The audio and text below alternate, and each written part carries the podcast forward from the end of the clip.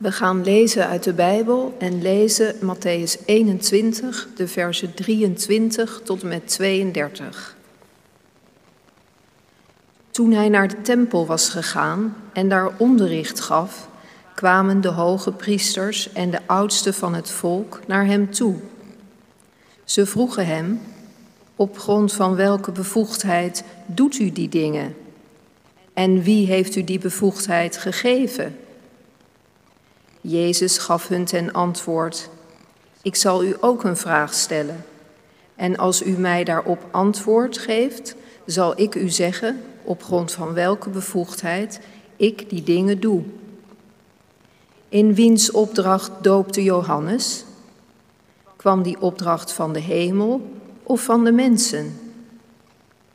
Ze overlegden met elkaar en zeiden: Als we zeggen van de hemel, dan zal hij tegen ons zeggen: Waarom hebt u hem dan niet geloofd? Maar als we zeggen van mensen, dan krijgen we het volk over ons heen.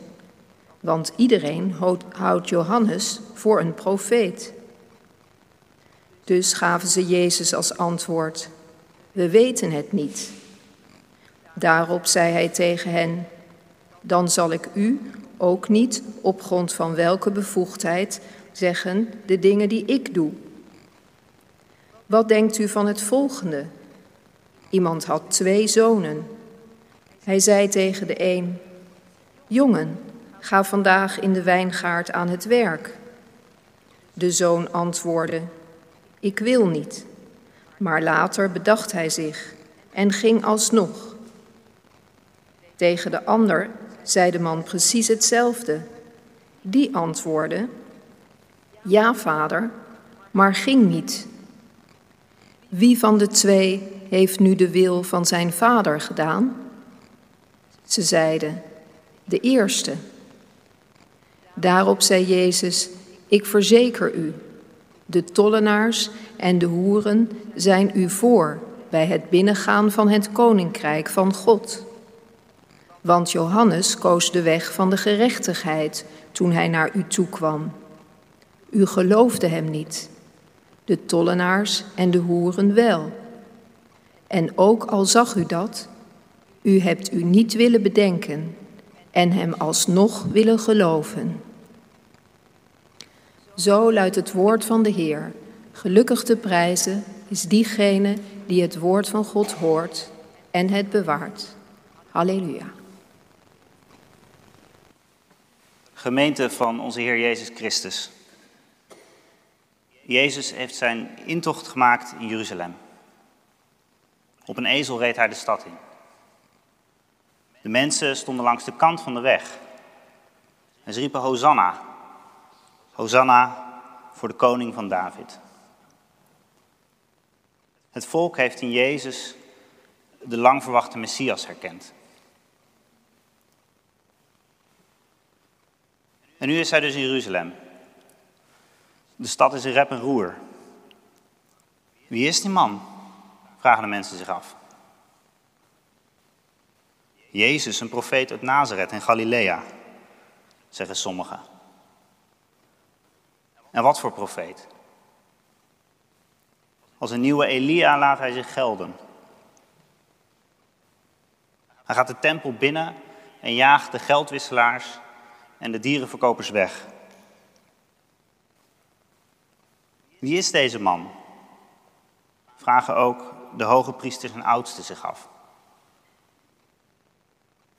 En wie denkt hij wel dat hij is? Opnieuw komt Jezus in de tempel. Hij onderwijst de mensen, zo lezen we. Waarover precies, dat staat er niet. Maar bij Matthäus gaat het meestal over de wet en de profeten. Jezus is voor Matthäus allereerst de Joodse Messias. En de terugkerende frictie tussen Jezus aan de ene kant en de schriftgeleerden aan de andere kant, die staat er ook niet los van dat Jezus zelf ook een schriftgeleerde is.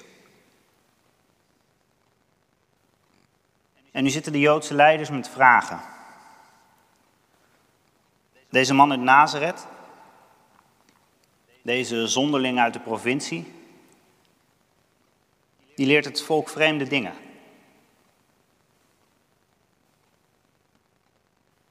En dat niet alleen. Hij is meer dan een beetje kritisch op het religieuze establishment. Als hij het tempelplein schoonveegt, dan citeert hij de profeet Jeremia. Mijn huis moet een huis van gebed zijn, maar jullie maken er een rovershol van. En nu is deze Jezus opnieuw in de tempel. Geeft hij onderricht over de schriften. En hij heeft een aanzienlijke aanhang verzameld. Hij spreekt met gezag. De leiders zien het met leden ogen aan. Zijn tegendraadse onderwijs, de tekenen, de genezing, zijn verpostige optreden in de tempel. En dus spreken ze Jezus aan. Op grond van welke bevoegdheid doet u deze dingen? En wie heeft u die bevoegdheid gegeven? Het Grieks achter dat woordje bevoegdheid, exousia, dat kun je op verschillende manieren vertalen. Bevoegdheid, recht, macht, gezag, autoriteit. Hoe je het ook precies vertaalt, dit is een woordje waar wij als moderne mensen soms wat moeilijk mee hebben. Niet altijd raad mee weten. U heeft, u heeft het vast ook wel meegekregen deze week. Een groepje min of meer bekende Nederlanders besloot dat de coronamaatregelen van de overheid onzin zijn en startte een hashtag ik doe niet meer mee. Oké. Of misschien heeft u het vorige week gezien. Uh, president Trump was in Californië op bezoek bij de vreselijke bosbranden. En hij zei, het koelt snel weer af, let maar op. Of iets van die strekking. En een overheidsfunctionaris die zegt, ik zou willen dat de wetenschap het met u eens is. Waarop Trump reageert, nou, ik geloof niet zo dat de wetenschap het weet. Dat zijn misschien extreme voorbeelden, maar ze vertellen denk ik wel iets over onze samenleving, over onze cultuur. Autoriteit en gezag zijn steeds meer een problematisch gegeven. We denken graag voor onszelf. We geloven misschien wel in het belang van goede wetenschap, in expertise. Maar als het erop aankomt, dan vinden we het toch moeilijk om gezag te accepteren. En dan valt het met die coronaregels eigenlijk nog wel mee. Als de overheid ons vraagt om anderhalve meter afstand te houden, dan proberen we dat in ieder geval. Maar wat we daar nou echt zelf van vinden, dat bepalen we zelf. Voor de Joodse leiders is gezag op zich helemaal geen probleem. De schriften hadden gezag. De traditie had gezag. En ook zij zelf hadden natuurlijk gezag. En op zich is er in de leefwereld van deze hoge priesters en oudsten ook nog wel ruimte voor het gezag van een zonderlinge profeet uit Galilea. Als zij in de tempel vanuit kunde en kennis onderwijst in de schriften, dan vinden ze dat op zich helemaal niet zo erg. Maar waar ze moeite mee hebben is dat Jezus veel verder gaat. Dat hij zich nadrukkelijk afzet tegen het religieuze gezag. Hij brengt een radicale boodschap dat het koninkrijk van God nabij is. En dat dit koninkrijk een nieuwe verhouding tot God vraagt. Hij brengt daarmee een boodschap die de status quo bedreigt. En hij gaat bovendien veel verder. Hij noemt zichzelf zoon van God. Wat dat dan ook precies betekende. Die vraag van de leiders aan Jezus is daarom ook, helemaal geen, geen gekke vraag. Ze maken een legitiem bezwaar tegen Jezus optreden. De leiders van het volk zijn de dragers van het religieuze gezag. Ze zijn de hoeders van de traditie. En wie een lezing van de schriften verkondigt, die schuurt met die traditie, die heeft wat uit te leggen.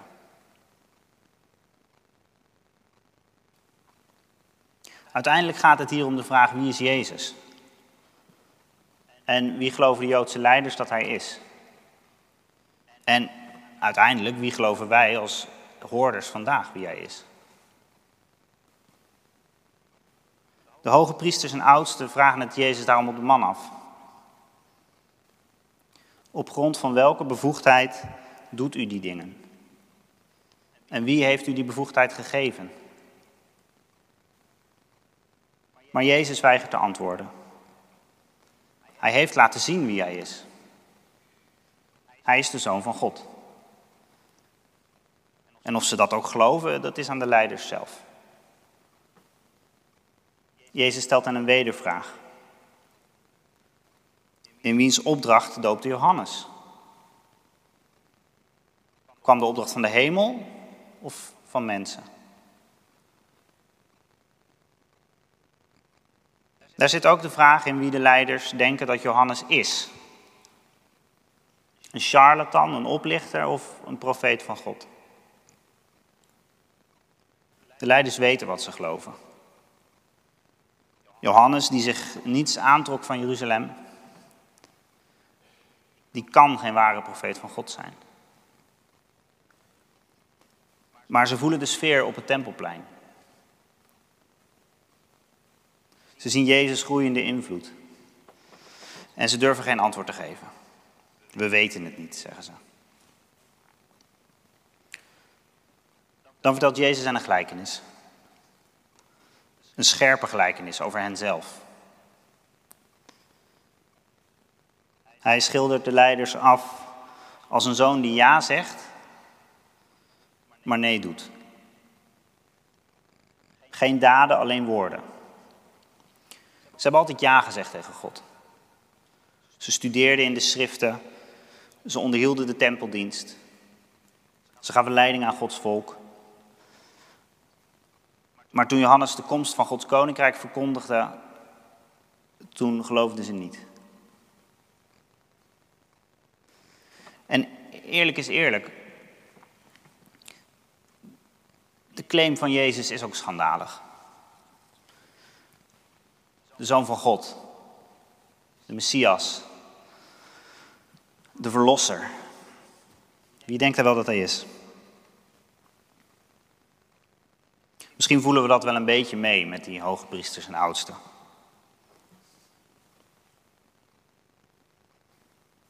Ook als we er door een leven lang in de kerk en een leven lang in het geloof aan gewend zijn om Jezus te zien als Heer, als Zoon van God, als de opgestane Christus, dan blijft er toch altijd iets van dat, dat schandaal. Als bijvoorbeeld bekenden of collega's het geloof wegzetten als een serie onnozelijke sprookjes. Hebben ze dan niet toch ook een beetje een punt? Als we geliefden zien lijden, het zien afleggen tegen ziekte en dood. Ook al weten we dat Jezus in zijn leven tot aan het einde toe met ons heeft meegeleden, dat schuurt. Waar is nou dat koninkrijk? En irriteren we ons ook niet een beetje als we lezen van de andere wang? Als we Jezus horen schamperen over aardse schatten die we zelf toch ja, belangrijk vinden. En niet onterecht. Moeten we geweld accepteren? En je hebt toch ook gewoon geld nodig om te eten, om voor je kinderen te zorgen?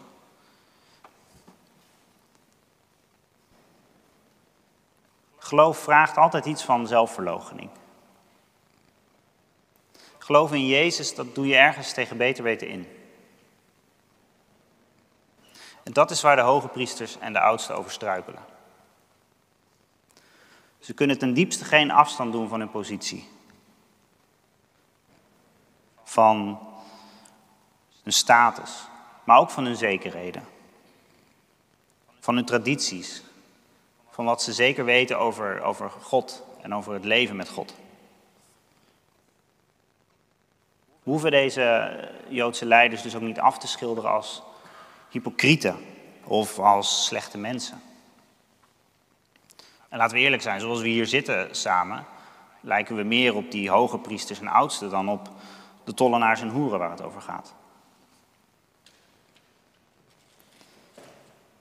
Voor die hoeren en tollenaars waar het evangelie van spreekt, is in het evangelie het accepteren van het gezag van Jezus in zekere zin gemakkelijker. Zij hebben niet te verliezen wat de leiders van het volk te verliezen hebben. Status, trots, zekerheden.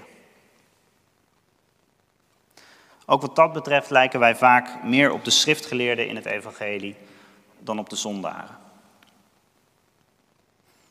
En lopen we dus ook tegen dezelfde vragen aan. Durven we onze eigen zekerheden los te laten? Durven we ons eigen leven kritisch te blijven bevragen in het licht van het evangelie? En durven we ons werkelijk over te geven aan het gezag van Jezus?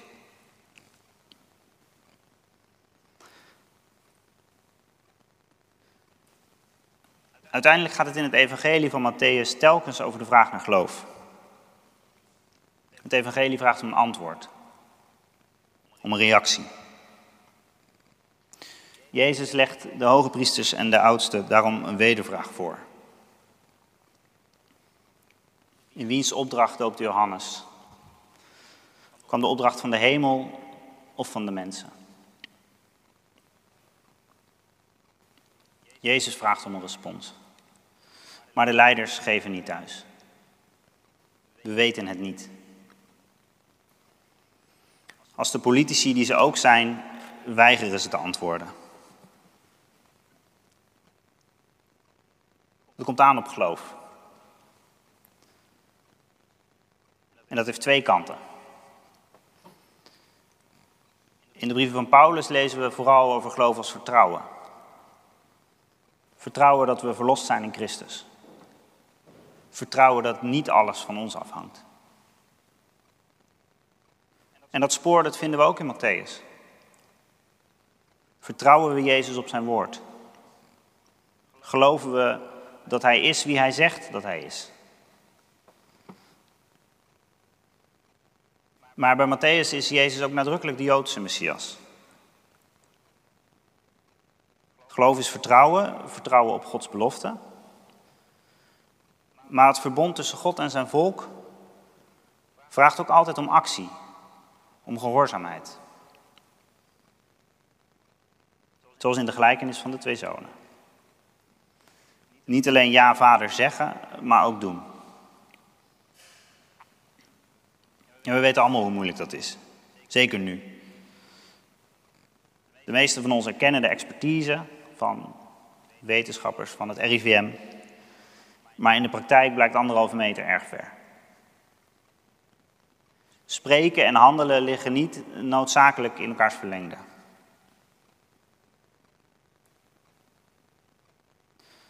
Maar in het geloof gaat het dus niet alleen om vertrouwen, maar ook om gehoorzaamheid. En daarmee is de vraag naar Jezus gezag weer in beeld. Want het evangelie laat er geen twijfel over bestaan. Het gezag van Jezus komt van de Vader, van de eeuwige zelf.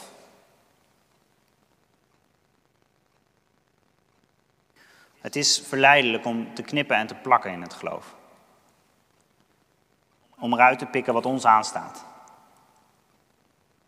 Om Jezus lief te hebben, maar wel de Jezus zoals wij hem graag zien.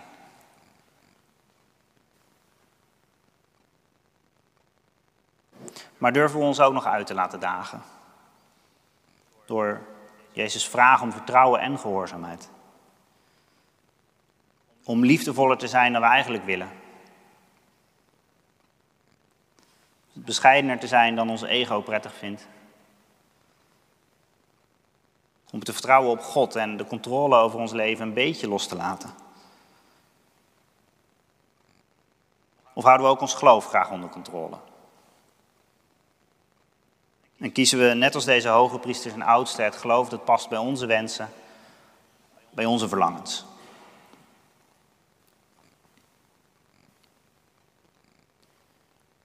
Ook voor ons blijft de vraag naar het gezag van Jezus actueel. Of nou al jaren in de kerk komen, of dat we nog maar net kennis maken met de weg van Jezus. Of we vol zekerheid in het geloof staan, of dat we vooral heel erg twijfelen. Het evangelie van Jezus vraagt ons om een reactie, telkens opnieuw. Durven wij onze oude zekerheden los te laten? Of accepteren we Jezus gezag alleen als hij speelt volgens onze regels? Geloven is niet een oude zekerheid verruilen voor een nieuwe. Het is zekerheden loslaten. En je in vertrouwen overgeven aan het gezag van Jezus. En dat is niet alleen een kwestie van woorden, van het accepteren van een serie leerstellingen en opvattingen. Dat is achter Jezus aan op de weg van het koninkrijk. Amen.